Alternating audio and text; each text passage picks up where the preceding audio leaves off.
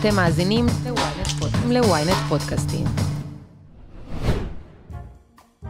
זו התוכנית ה-33 של האמת היא. בגיל 33 הוא עלה ישו על הצלב, והאסלאם מגיב בקביעה של המלומד אבו חמד אל-רזאלי, לפיה בגן העדן מצויים בכל זמן נתון 33 צדיקים. מרדכי מקלף, הרמטכ"ל השלישי של צה"ל, סיים את כהונתו בגיל 33 אחרי שנה בלבד בתפקיד. הלקר של 1972 ניצחו 33 משחקים ברציפות, CNBA שעומד עד היום. התקליטים של ילדותי הסתובבו במהירות של 33 ושליש סיבובים לדקה, ואחרי סיבוב של כמה עשורים הם חוזרים עכשיו לאופנה. אז בואו נהפוך תקליט ונתחיל. האמת היא, עם עופר שלח. לפי הפרסומים בתקשורת, בעל המקצוע המבוקש ביותר בישראל היום הוא פסיכולוג. משבר הקורונה חשף אותנו לעולם שלם של לחצים, והביא רבים מאיתנו להרהורים על החיים, שחלקם דורשים ברור עם בעל מקצוע. כל אלה באו לידי ביטוי בביקוש עצום למפגשים עם פסיכולוגים, שמתקשים למצוא זמן פנוי בלוז. ואולי זה בכלל חלק מן הימים שיבואו. השינויים העצומים באורחות חיינו, שקורים בדחיפות גדולה וגוברת, יביאו רבים מאיתנו אל הפסיכולוג. ברשימת המקצועות שבהן מכונות יתקשו להחליף אותנו, סביר להניח שהפסיכולוגיה תככב. דוקטור טל ברגמן היא ראש האגף לבריאות הנפש במשרד הבריאות. במהלך משבר הקורונה היא ועמיתיה התמודדו בחזית של הצורך העצום שעלה מן הציבור, וכאמור חשף גם להם וגם לנו משהו מפניו של העתיד. דוקטור טל ברגמן, שלום. שלום. אה, בואי ננסה קודם ל... לתת אפילו סימנים כמותיים ב... נקרא לזה המשבר הנפשי של הקורונה. את יודעת לכמת כמה עלו הפניות לעזרה, שוב, במערכת הציבורית שאת מופנית עליה, אבל בכלל, עד כמה שאת יודעת, אה, אה, מספרים, חומרה, לא יודע, איך, איך אנחנו חותכים את זה?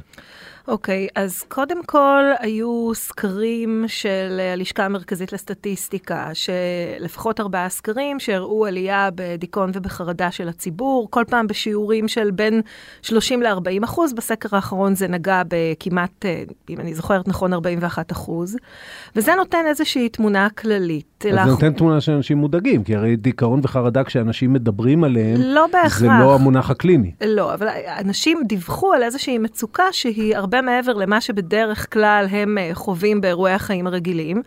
וכן, היו גם, אה, היו הרבה חרדות והרבה דיכאונות מסביב לכל האי-ידיעה שהייתה בתחילת הקורונה עם הזנים השונים והתופעות הקליניות השונות.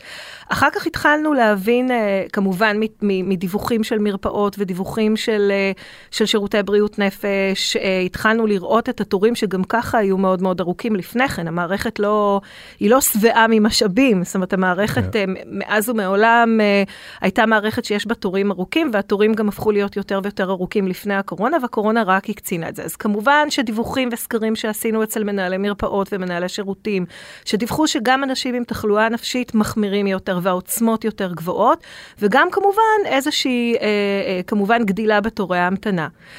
עוד נדבך, וממש לאחרונה, נתונים של פילוח של, אה, של מחקר מאוד יפה שעשתה קופת חולים מכבי, שרק אישרה לנו מה, ש, אה, מה שראינו ואת ההערכות שלנו, ואם ניקח כדוגמה, למשל את הילדים והנוער, שזה עלייה בעשרות אחוזים של דיכאון וחרדה בילדים ונוער, וצורך ופניות למערכי בריאות נפש מקצועיים, שלצערי כמעט ולא קיימים, ו...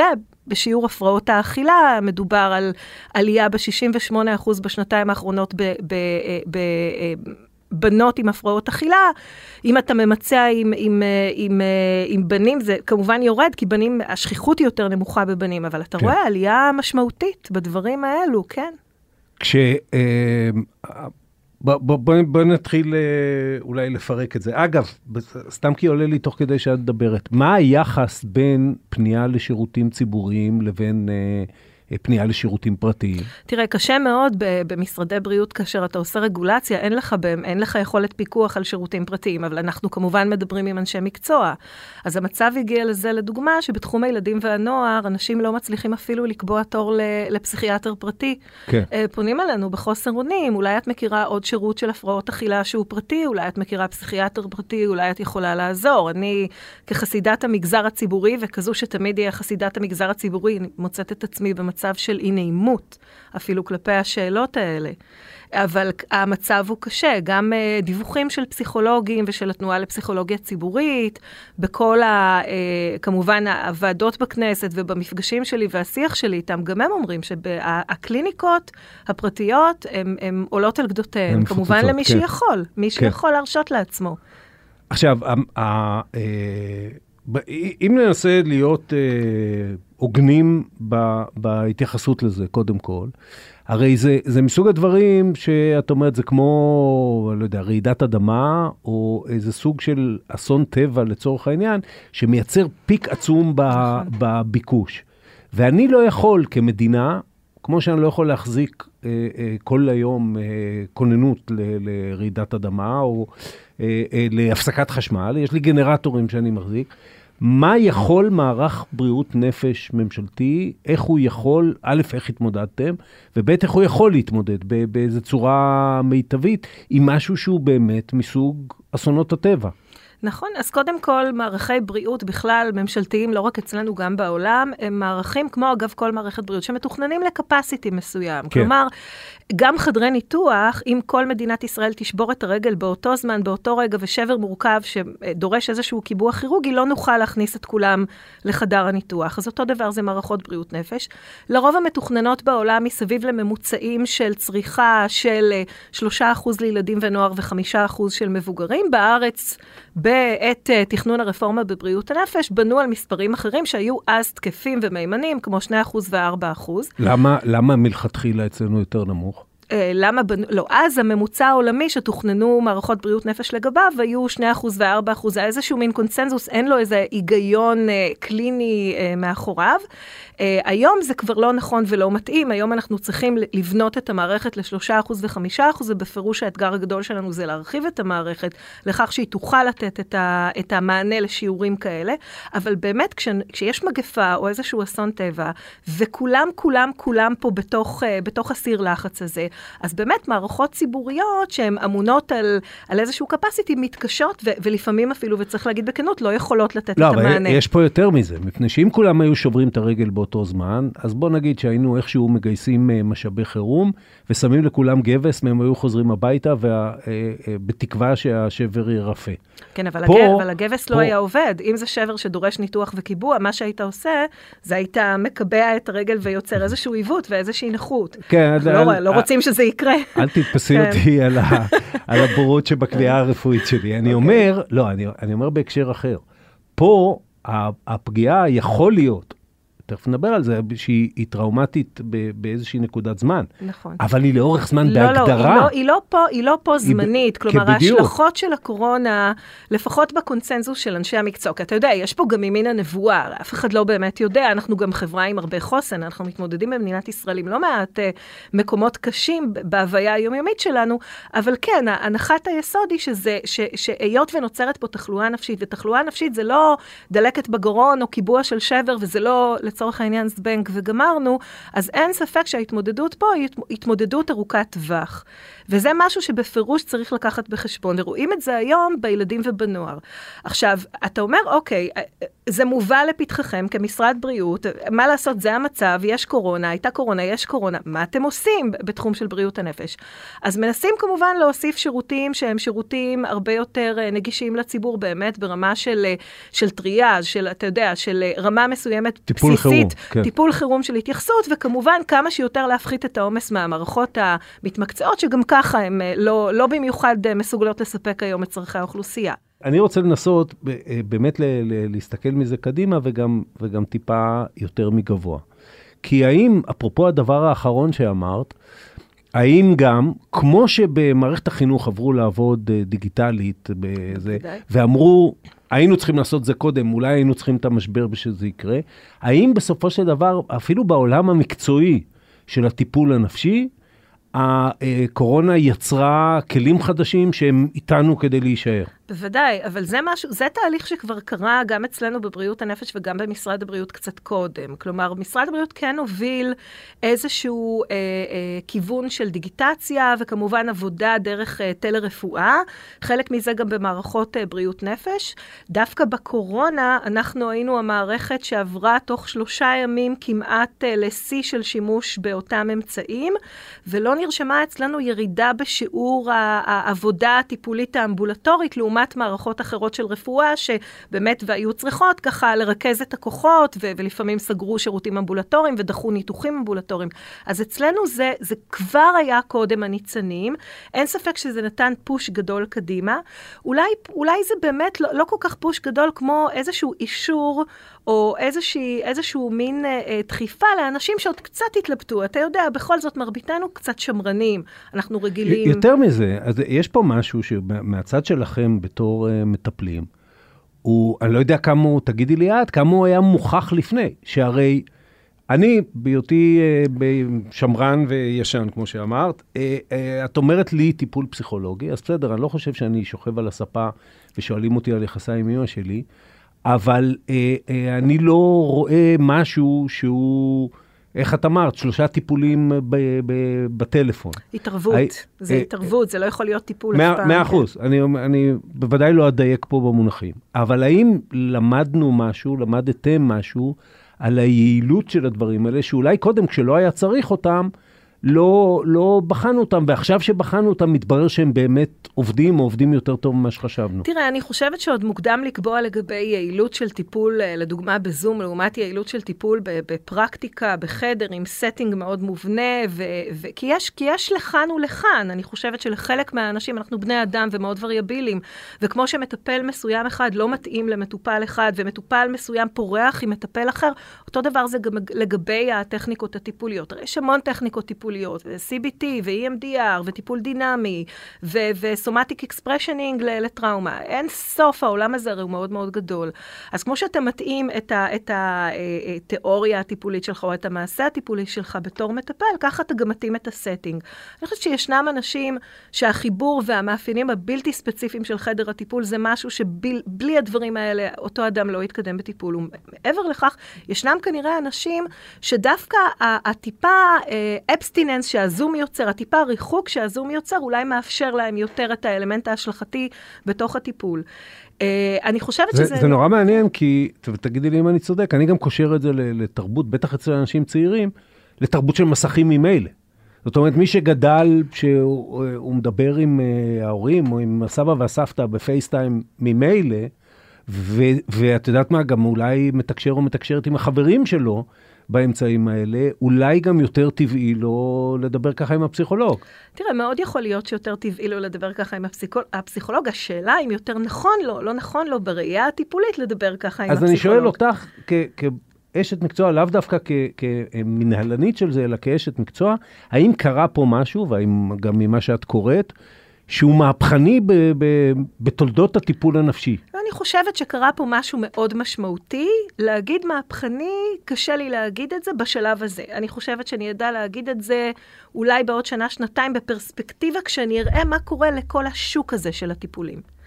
Uh, אני יכולה לומר שאני כמטפלת, בהוויה של הייעוץ הפסיכיאטרי, אני לא רואה הרבה הבדלים בין, uh, כשאתה עושה ייעוץ פסיכיאטרי פר סה, אבל במקום של תהליכים, אני חושבת שאני עוד צריכה להיות צנועה בלשפוט את זה ולהגיד מהפכני. אם נראה בעוד כמה שנים שכל השוק הטיפולי הופך להיות כזה, שהוא באמת נעשה ב, אה, באמצעים אה, של אה, מול מסכים, אז אני אוכל לומר את זה. נכון להיום, אני, אני חושבת שאנחנו עוד קצת מאולצים על ידי הקורונה לעשות את זה ככה, ולכן קשה מאוד לקבוע לטווח ארוך. אני אדבר לאו לא דווקא על ההקשר הטכנולוגי של זה, של מול לא, מסך ההקשר, או לא, בוודאי. אבל למשל, אורך הטיפול, כי הרי CBT, מה שהזכרת קודם, מידיעתי המעטה, זה מין טיפול... כאילו כמו טיפול חירום, זאת אומרת, יותר קצר, אה, אה, מהותי, ובהגדרה גם, אני מניח, יותר נקודתי, אל מול הסימפטומים ולא... הוא, הוא לא כל כך נקודתי, נכון שהוא מוגבל בזמן, הוא הרבה יותר מובנה, נכון שהוא עוסק בדברים מאוד מסוימים, פחות יש חיבורים למקומות היותר רגשיים, יש חיבורים ופחות עוסקים בהם, פחות עושים בהם במעשה הטיפולי. הוא יכול להיות, אגב, ממושך CBT, כן? כן. הוא כן יכול להיות, uh, להיות אדם שהמטפל יבחר לעבוד איתו יותר זמן ויותר פגישות uh, טיפוליות, זה נכון. אבל uh, תראה, הסוגיה של, uh, של זמני הטיפול ו-45 דקות או 50 דקות, אין פה לא, מחקרים. לא, אני לא מדבר על 45 או 50, כן. אני מדבר על uh, שנתיים, שלוש או, או כמה מפגשים. אני חושבת שהיום הרבה מאוד תהליכים טיפוליים של שנה כבר נחשבים ארוכי טווח. אני חושבת ש-evidence-based medicine הולך גם לטיפולים יותר, של פחות שנים. אתה יודע, אתה מדבר כאילו, אני, אני, אתה מדבר ואני שומעת את, ה, את הגישה הפסיכואנליטית.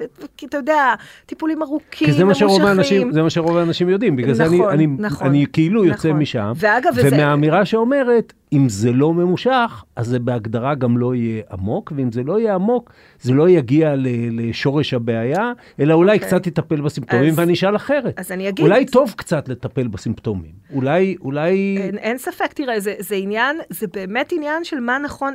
אני מאמינה בתפירת הטיפול על פי צורכי המטופל, ולא בהליכה על פי אג'נדה או תיאוריה. ואני חושבת שהרבה מאוד מטפלים הם כמוני. ואתה יודע, ישנו מטופל שאתה תבין בהבנה הדינמית שלך שה... שה ה, ה, לא רוצה להגיד הפרעה, שהבעיה, שהקושי, שהמצוקה היא באמת מאוד עמוקה, היא, היא כרוכה במקום מאוד מאוד מוקדם בהתפתחות של אותו אדם, ואז אתה תבין שאצלו לטפל בסימפטומים זה לא זה. אבל יכול להיות שאותו אדם יבוא ויגיד לך, אני לא מעוניין בחקירת העומק הזו, אני, אני רוצה, אני מנכ"ל של חברה, אני לא רוצה עכשיו להבין, כמו שאמרת, מה היו, מה ההשלכה של היחסים שלי עם ההורים שלי, להתפתחות הדינמית שלי ולהתנהגות שלי היום. אני רוצה לעמוד ולתת מצגת ולהיראות ולעשות את הרושם הנכון ולא להתרגש ולא להיות עם דפיקות לב ולא להסמיק, אוקיי? ובזה אני רוצה שאת כמטפלת, אתם כמטפלים, תעזרו לי. ואני חושבת שאתה צריך להתכוונן לאוריינטציה של המטופל. עכשיו, אם אותו מטופל מבטא מצוקה מאוד מאוד גדולה, שברמה הסימפטומטית אתה כאיש מקצוע עם האתיקה שלך גם יודע שאתה יכול לטפל סימפטומטית, אבל זה לא יעזור לו, מכאן מצופה ממך לחלוק את זה איתו ולעשות את דיאלוג איתו ולבחור את, ה, את הטיפול העמוק. אבל אמירה שכאמירה שרק הדבר, ה, לא יודעת אפילו מה עמוק, אני חושבת ש-CBT הוא לא פחות עמוק, אגב, EMDR הוא לא פחות עמוק, הוא רק עמוק ב- בהסתכלות אחרת, ברבדים אחרים, כן? אבל התפיסה שמשהו שהוא ממושך הוא עמוק, לעומת משהו שיותר קצר שהוא לא עמוק, היא לא נכונה. היי, hey, כאן עטילה שומפלבי.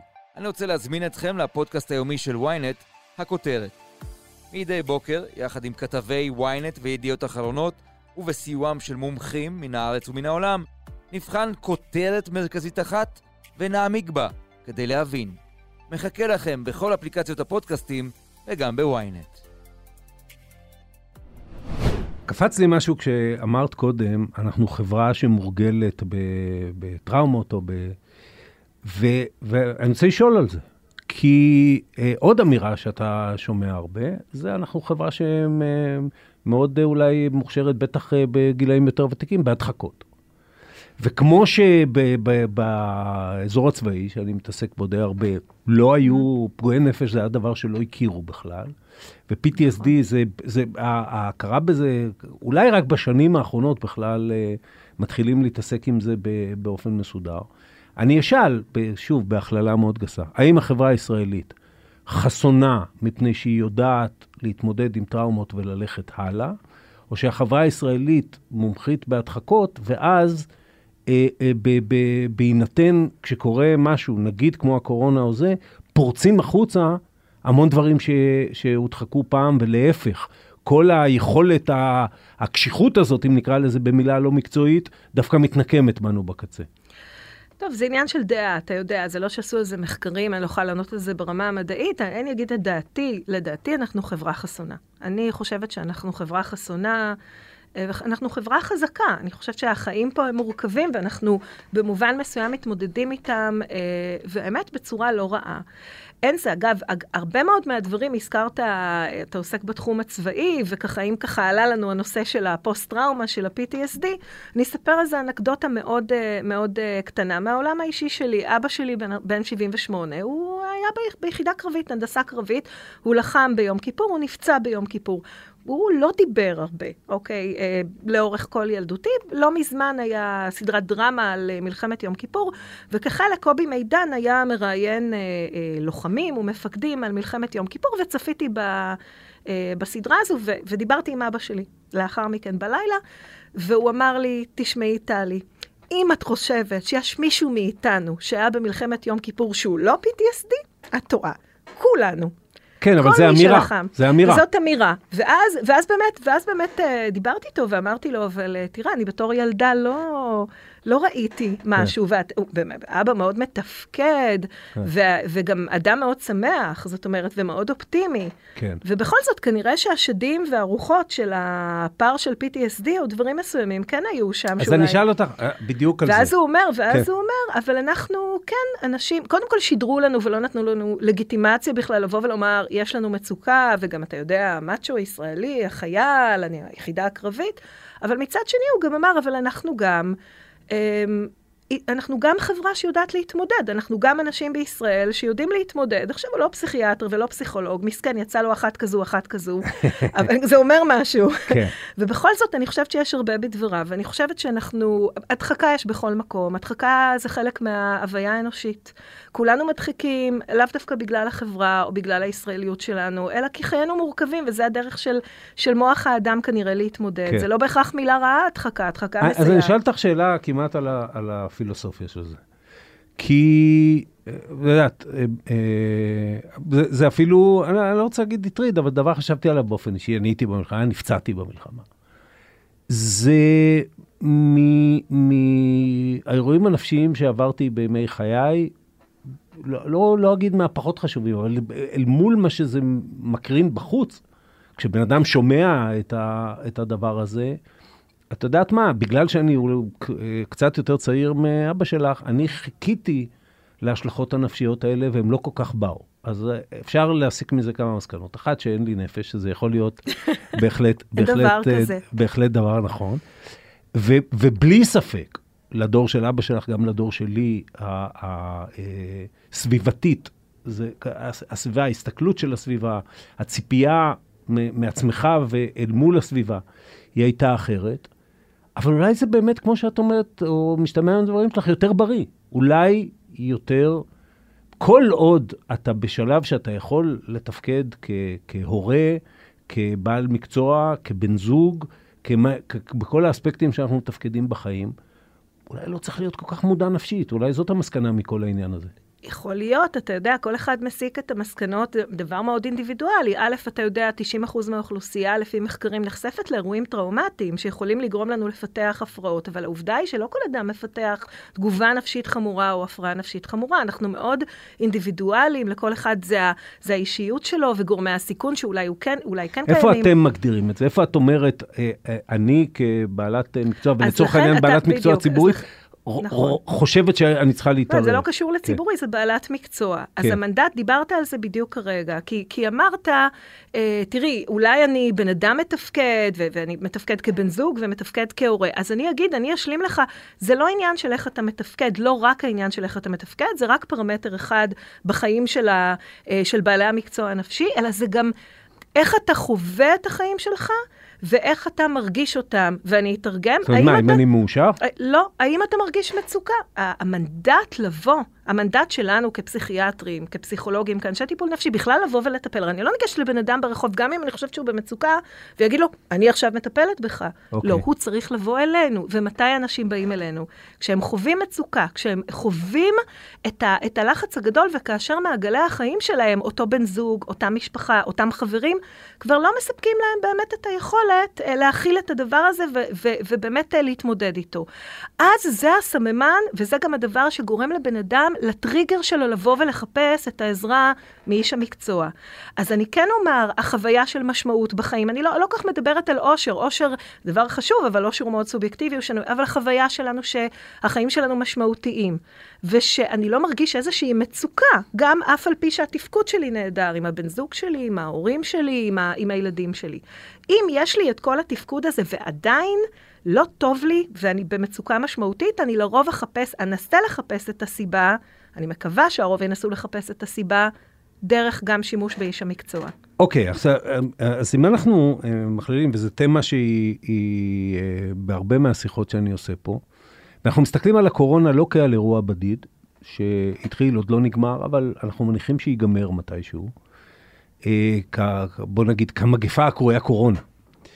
אבל כגם איזה חלון לחיים שמצפים לנו. במובן הזה שהשינויים שאנחנו בתוכם חיים, ממשבר האקלים, בדרך אה, השתנות דרכי חיינו, והשתנות עולם העבודה, וכל העניין של אה, מכונות ובינה מלאכותית מול אנשים, אה, אם זה סוג של חלון לתוך הנורמלי החדש, איפה אה, אה, בריאות הנפש בעניין הזה, חוץ מזה שאני מניח שיהיה ביקוש מאוד עצום לפסיכולוגים.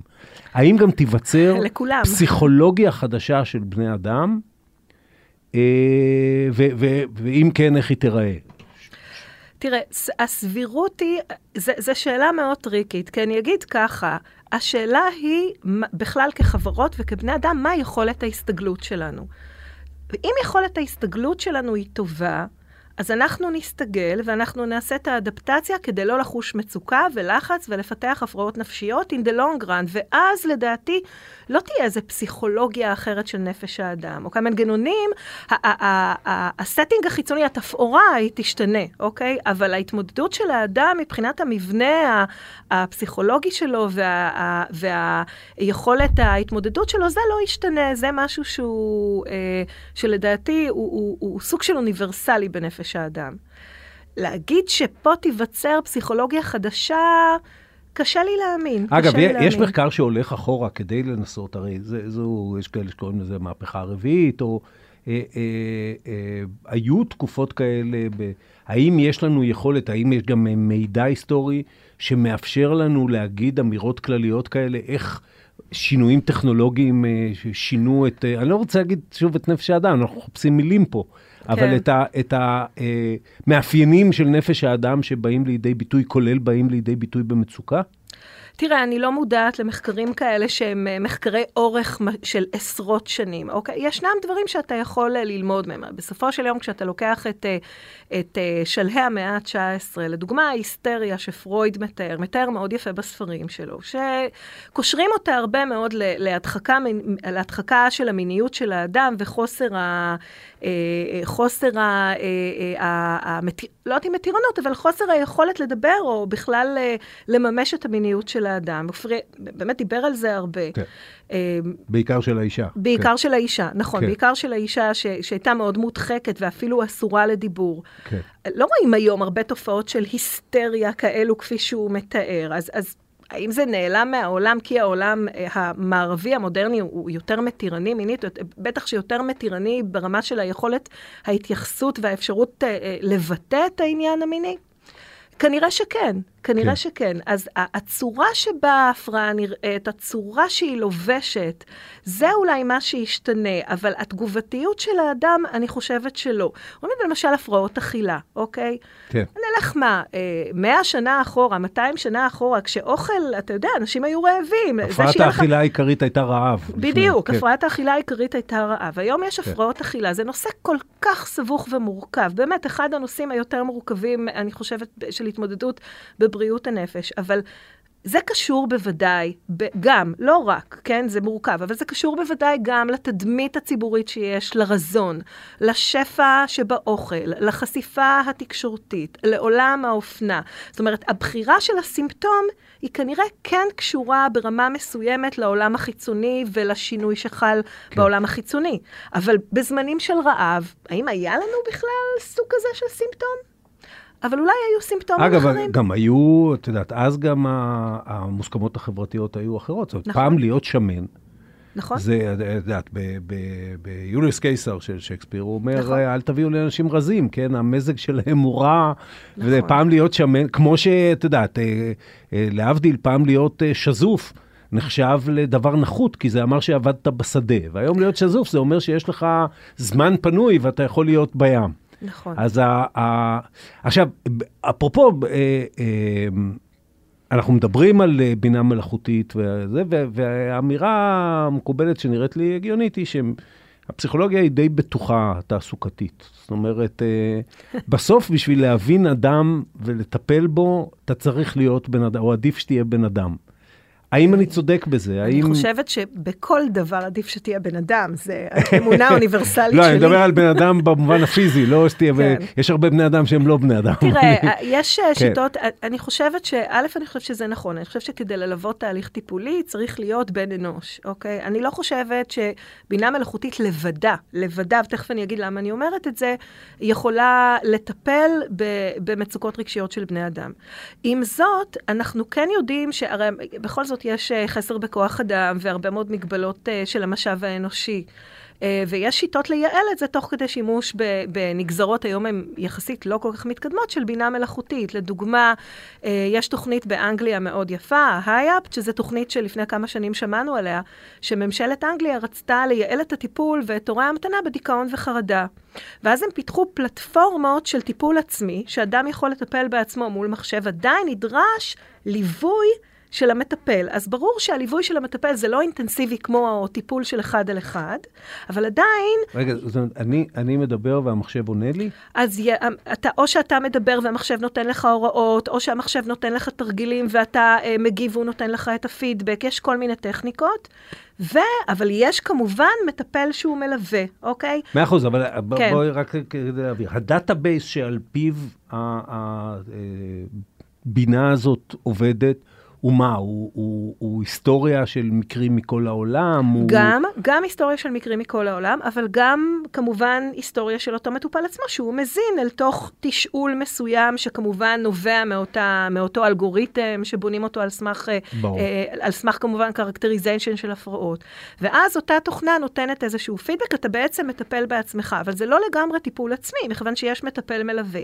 אז במקום שמטפל יהיה איתך, נאמר, פגישות CBT של 16 פגישות, אז נוכחותו נדרשת רק בחלק מהזמן, או שהוא מלווה אותך כמובן בצ'אט, ואז ייעול הזמן שלו הוא כזה שמאפשר לו אולי לטפל בכמה במקביל, וגם אתה, מבחינת הנוחות שלך, יכול אולי לעשות את הטיפול הזה בצורה הרבה יותר נוחה והרבה יותר יעילה בבית. שזה זה מדהים. שזה מדהים. עכשיו, זה הבריטים מדהים. בדקו לא, את זה. זה מדהים, לאו דווקא ביכולת, כאילו דווקא היכולת הטכנולוגית של זה, היא, היא לא מדהימה. מדהימה בזמננו. נכון. זאת אומרת, אני מניח שהיא מדהימה ליישום ולכתיבה של, של תוכנה, אבל ה, זה מדהים דווקא מהצד של המטופל, שכאילו החוסר אישיות, פרסונליות, לא אישיות, אלא פרסונליות של הדבר הזה, אה, היא נוחה לו.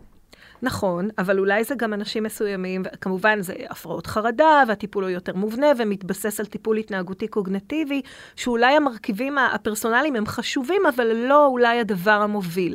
לא בטוחה שפסיכואנליזה דינמית, אליבא דשיטה הקלאסית של פרויד והספה והמטפל שיושב מאחורה והאנונימיות אה, והקלאסיקה של הפסיכואנליזה, אני לא בטוחה שאת זה אפשר היה לעשות אה, באמצעות מחשב או באמצעות רובוט, אבל בוודאי ובוודאי שהרבה מאוד טכניקות טיפוליות של evidence-based medicine, שהן תחומות בזמן, מאוד מובנות, מאוד uh, אוניברסליות יותר, פונות למכנה משותף מאוד ספציפי של הפרעת החרדה, זה דבר שכנראה ואפשר לעשות, גם דיכאון. והבריטים באמת, הם, לא רק שהם עשו את התוכנית הזאת בכל המדינה, גם ההכשרה של המטפלים היא אחרת. והם מדדו את זה גם בכלים ובשאלונים, והם הראו אכן הפחתה בתסמיני הדיכאון והחרדה. ואנחנו בישראל שלנו עושים uh, פיילוט כזה עם קופות החולים, ועם, אה, ועם אה, אנשים יקרים באוניברסיטה העברית, ו, וממשיכים את הפיילוט, זו כבר שנה שנייה עם הכשרת מטפלים, ומקווים שנוכל ככה גם לייעל ולקצר בין השאר את תורי ההמתנה, כי תמיד, תמיד ותמיד יהיה לך פחות משאבים ממה שאתה באמת צריך לתת. זה נתון, ועוד ולכן- נגיע, נגיע ב- בסוף לסוגיית המשאבים והמשאבים הראויים. אה, אני אשאל לפני זה, האם חל שינוי גם בשיווי משקל בין, נקרא לזה, טיפול פסיכולוגי לטיפול תרופתי? זאת אומרת, עם, עם התפתחות המדע גם בתרופות, ועם התפתחות של אה, תפיסות שרואות בכלל, אני ב- קצת אה, מקצין ומשטיח פה, אבל רואות בדברים בסוף ביטויים אה, פיזיולוגיים, חשמליים, תקראי להם אה, איך שקוראים. היום, אה, וגם אולי עם השתנות הטעמים של, ה, של הצרכנים בסיפור הזה, בסוף אה, אה, יש התפתחות שאומרת, כדאי, או אני מבקש, שתתני לי פילולה, תעזבי אותי מה, מהתהליכים האלה. האם בזה חל איזה שינוי קיצוני בשנים האחרונות? תראה, יש, אה, יש, יש, אה, לא, לא רוצה להגיד, יש האשמות, אוקיי? אני, אני לא יכולה להגיד לך את זה ברמה, אין ספק שהעלייה בצריכה ב, ב, בתרופות בכלל, וגם בתרופות בתחום בריאות הנפש, יש עלייה בצריכת התרופות. גם ראו את זה, אגב, בקורונה. לפחות נתונים של הסתדרות הרוקחים שהגיעו לידיי. אה, אין ספק שיש עלייה בצריכת התרופות בעולם המערבי. אה, האם זה טוב, האם זה רע? לכאן ולשם, אוקיי? שוב... אני, אני שואל אותך, זה עולה לי כן. תוך כדי. נגיד שאני בא אלייך, זה, זה כמובן תיאורטי לחלוטין מה שאני שואל, ואני, ואת אומרת לי, אפשר להגיע לאותה תוצאה, או, או, או לתוצאה משביעת רצון, לא אותה תוצאה בדיוק, בדרך של טיפול פסיכולוגי שבה נעשה מה שנעשה, או שאני אתן לך כדור והסימפטומים יסתדרו.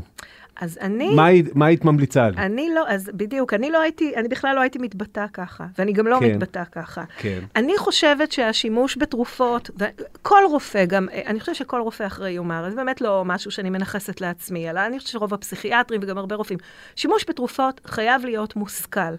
זאת אומרת שמבחינתי, אם אני רוצה לתת לך טיפול תרופתי, זה אחרי ששקלתי וחשבתי שבאמת זה כורח. אני לא אוהבת, אה, ידי אינה קלה על ההדק לגבי תרופות. לתרופות יש צדדים מאוד חיוביים, יש להם גם תופעות לוואי ויש להם גם סיבוכים. ואת זה תמיד צריך לשקול. פרימום נון נוצרה, קודם כל אל תזיק למטופל שלך. ולכן אני תמיד אראה מי הבן אדם שמולי. אם אני חושבת שהוא יכול להתמודד ושאין צורך או כורח כרגע בטיפול תרופתי, אז אני אציע, אני קודם כל אפרוס בפניו את כל האלטרנטיבות, אומר לו מה אני חושבת הפרוז והקונס. למשל, אני אגיד לו, תראה, אם תיקח טיפול, אתה בדיכאון כרגע, דיכאון אגב בדרגה בינונית, לא בדרגה מאוד קשה. אני אומר לו, אתה בדיכאון כרגע. בדיכאון, כן, אפשר לטפל בדרכים פסיכותרפויטיות מסוימות, אפשר ב-CBT, אפשר גם בטיפול דינמי, אפשר גם בטיפול תרופתי. ואני בדרך כלל נותנת את הבעד והנגד. אנחנו כבר לא במקום פטרנליסטי מול המטופלים, אנחנו מנסים, אני חושבת, עם רוב המטופלים לייצר דיאלוג. ואני לכשעצמי לא אתן את הטיפול התרופתי, אלא אם כן אני חושבת שכרגע הוא הכרחי.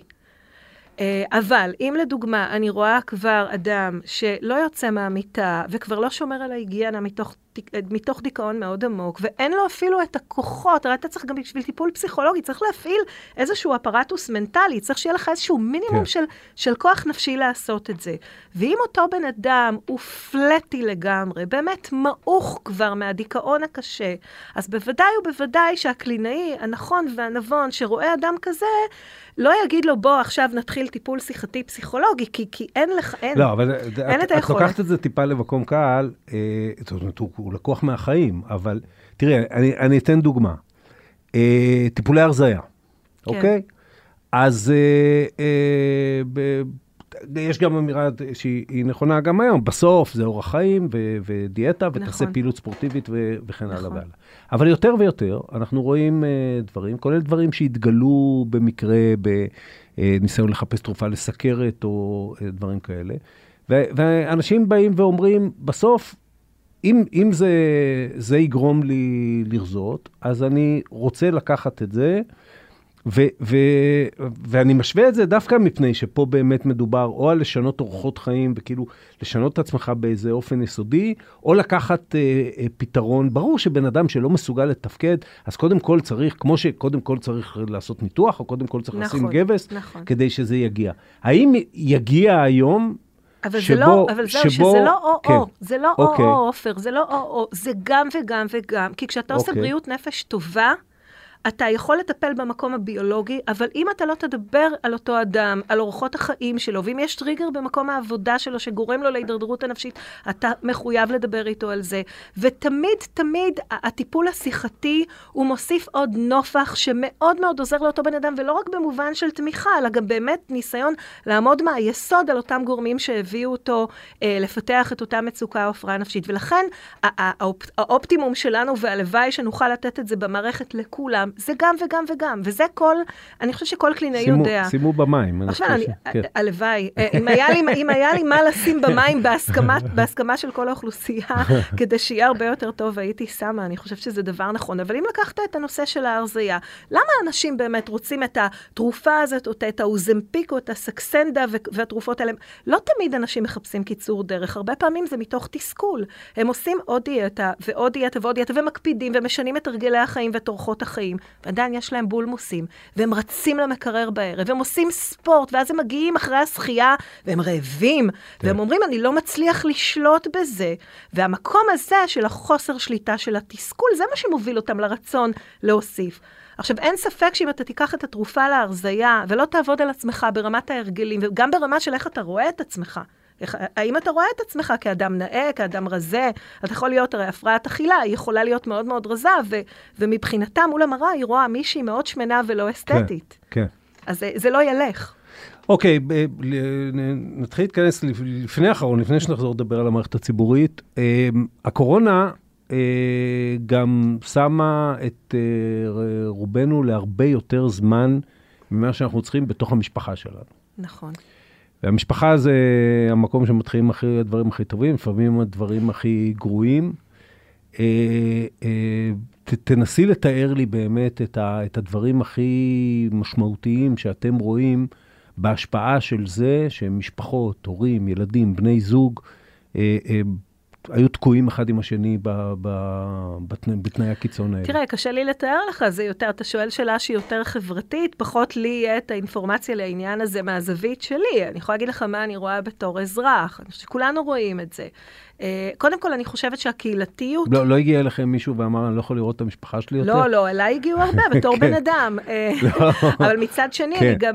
גם אה, זכיתי להרבה מאוד אנשים שסיפרו לי שפתאום הזוגיות שלהם מאוד השתפרה, שהשיח ביניהם מאוד השתפר, שפתאום הייתה להם הזדמנות קצת להאיט ממרוץ החיים המטורף, ואפילו מבילויים, אפילו אנשים שמצאו את עצמם כמעט כל יום בבילויים, ולא היה מה, כי כל התרבות הייתה סגורה. אני חושבת שזה באמת מאוד מאוד אינדיבידואלי לאותה משפחה. אבל ברמה החברתית, היו, היו פה כן אה, תופעות בחברה של אה, אה, אה, כמות גבוהה יותר של מקרי אלימות במשפחה, ודברים שדוברו כמובן הרבה יותר בתקשורת. כן. וכן, יש, אין ספק ש, שכל הסיר לחץ הזה לא היה אה, לטובת, אה, אה, לטובתנו. אה, כשבן אדם נדרש לעשות אה, שינויים כל כך משמעותיים בחיים שלו ולהיות סגור, ולא להיות עם השליטה של לצאת החוצה, או לקפוץ לחו"ל, לקנות כרטיס, ללכת לסופר, ללכת לסופר, אוקיי? היה מותר לך לסופר במרחק מסוים כן. ממקום המגורים. זה, תשמע, אם, אם היו מספרים לי את זה לפני כמה שנים, שזה המצב שיהיה, הייתי אומרת לך, עופר, הזיה, פשוט הזיה, כן? כן? אז לכן אני חושבת שכן, היה פה מחיר, אבל יש פה גם צדדים מאוד חיוביים של עלייה, לא רק במשפחתיות, אלא גם עלייה בקהילתיות. אני חושבת שהקורונה איבנטואלי, אני חושבת שאנשים אה, כן רואים יותר נופח קהילתי ומשפחתי. אני חושבת שאנשים מבינים, אנשים שהיו לבד, למשל, בלי משפחה, אה, לא היה להם נעים, אני חושבת, אה, להתמודד כן. עם הסגרים, להיות לבד בחגים. אתה לא יכול פתאום לצאת, אין לך מישהו שחי איתך בבית, כן, העריריות היא קשה. מה שציינת של אה, לשקול את אה, חייך ולהסתכל עליהם, זה למשל... אה, היום השיח הכי בולט בעולם העבודה זה על זה שקשה למצוא עובדים, שזה לכאורה נכון. היה צריך להיות הפוך. בעולם שבו הקורונה עדיין עוצרת תהליכי ייצור מסוימים ו- ו- וכן הלאה, אה, מפני שאנשים אה, שקלו את חייהם, מפני נכון. שאנשים אמרו לעצמם, רצתי כמו משוגע, ויכול להיות, פתאום בא אירוע כזה שהוא אירוע טראומטי, ומראה לי ש... שאולי אני צריך לחיות אחרת. אני מכירה הרבה אנשים שבאים ואומרים לי, אני מוכן היום להשתכר פחות, אבל ה-work-life balance שלי, האיזונים שלי, צריכים להיות הרבה יותר טובים.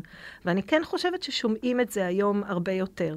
תראה, אנחנו רצים, רצים, רצים, רצים, רצים. זו החברה המערבית. לפעמים אנחנו קצת רצים גם אחרי הזנב של עצמנו. בא איזשהו אלמנט מאוד קשה, אבל קוטע אותנו, שנייה קוטע את הסייקל הזה. יש אנשים שיסתכלו לתוך המקום הזה, ויעשו את, ה, את החשבון נפש שלהם, ו, וירצו ללמוד מהמקום הזה, ויהיו גם כנים עם עצמם, ויש אנשים שפחות. Uh, אני חושבת שאנחנו למדנו יותר טוב להעריך את הזמן שלנו, את הבריאות שלנו. Uh, הדבר הכי, הכי uh, uh, בסיסי, לצאת מהבית. תחשוב על אדם באמת מבוגר, שהם הרי אוכלוסיית הסיכון של הקורונה, בזנים היותר קשים. כן.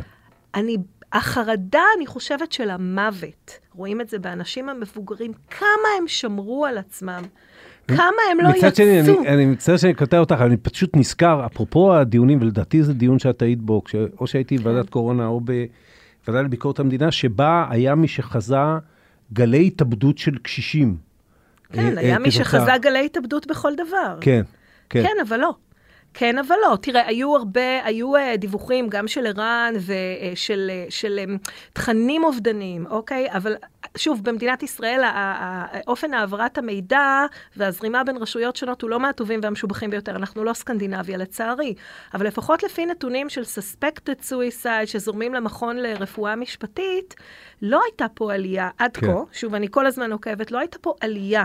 ב-complete suicide, באמת במקרים של ההתאבדות. אני חושבת שבזמנים מסוימים, בהחלט, כשהמצוקה היא קשה, גם זה, גם זה עובר בראש, גם זה עולה.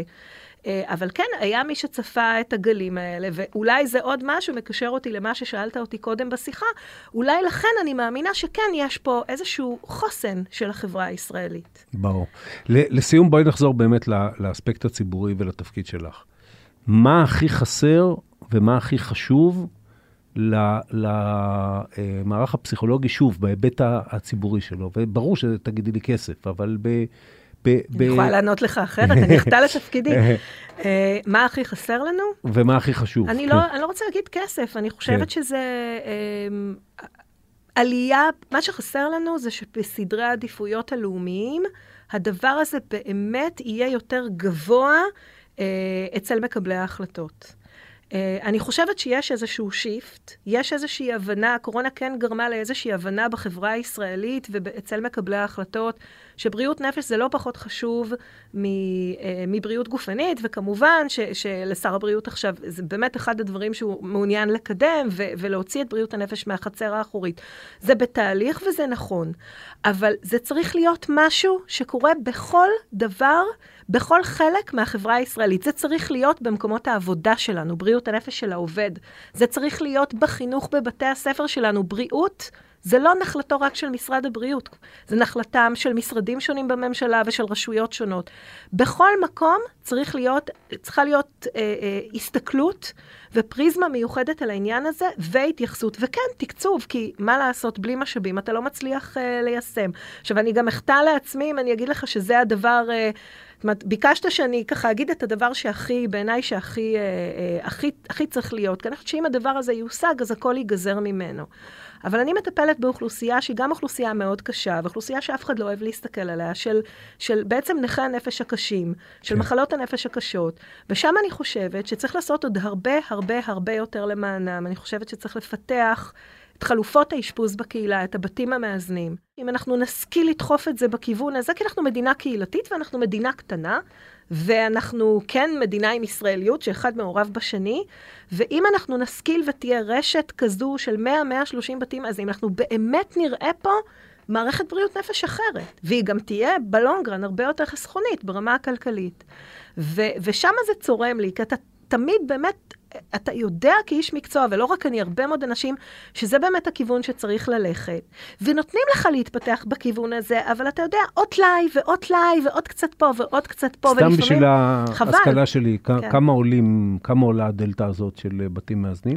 תראה, אני חושבת שכדי לתמרץ אותם אה, אה, כמו שצריך, כי בכל זאת זה איזשהו תקציב שאם קופות החולים יוציאו על בתים מאזנים, הם לא יוציאו על, אה, על מערכת האשפוז, אז תמריצים אה, ברמה של אה, כמה עשרות מיליונים יספיקו פה כדי לבסס למעשה את, ה, את חלופות האשפוז האלה. אנחנו מקבלים, קיבלנו את התמריץ, ויש 12 מיליון שקל, אבל אם אתה רוצה לייצר את המסה הקריטית, כדי שהבתים האלה באמת לעולם לא ייעלמו, כי תמיד יכול להיות שמודל כלשהו לא, לא מחזיק אה, ברמה הכלכלית שלו, בוא נאמר, יש, הצד הכלכלי הוא מאוד חשוב, לא רק הצד הקליני והצד האוטופי של העניין, אה, אז אתה צריך לבסס איזושהי מסה קריטית של כמה עשרות בתים כאלה. וזה יקרה כנראה, אבל זה פשוט קורה מאוד לאט. ואני חושבת שזה הסיפור של בריאות הנפש. קודם כל היא תהליכית, היא לא זבנג כן. וגמרנו. כן. ודברים קורים מאוד לאט, וחבל, הייתי רוצה שהם יקרו יותר מהר. שזה נכון להרבה דברים בחיים. נכון. דוקטור טל ברגמן, תודה. תודה רבה.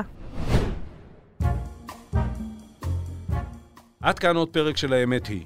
כדי להאזין לפרקים הבאים שלנו, אתם מוזמנים לעקוב אחרינו ב-ynet, ספוטיפיי, או באפליקציית הפודקאסטים החביבה עליכם. דרכו אותנו ב Apple Podcast, תשלחו את הפרק לחברים. אתם מוזמנים לכתוב לי בדף הפייסבוק שלי, או במייל פודקאסט שטרודל ynet.co.il. בפרקים הבאים אני מבטיח להתייחס. העורך שלנו הוא רון טוביה, בצוות גיא סלם וערן נחמני, על הסאונד ניסו עזרן. אני עופר שלח, ניפגש בפעם הבאה.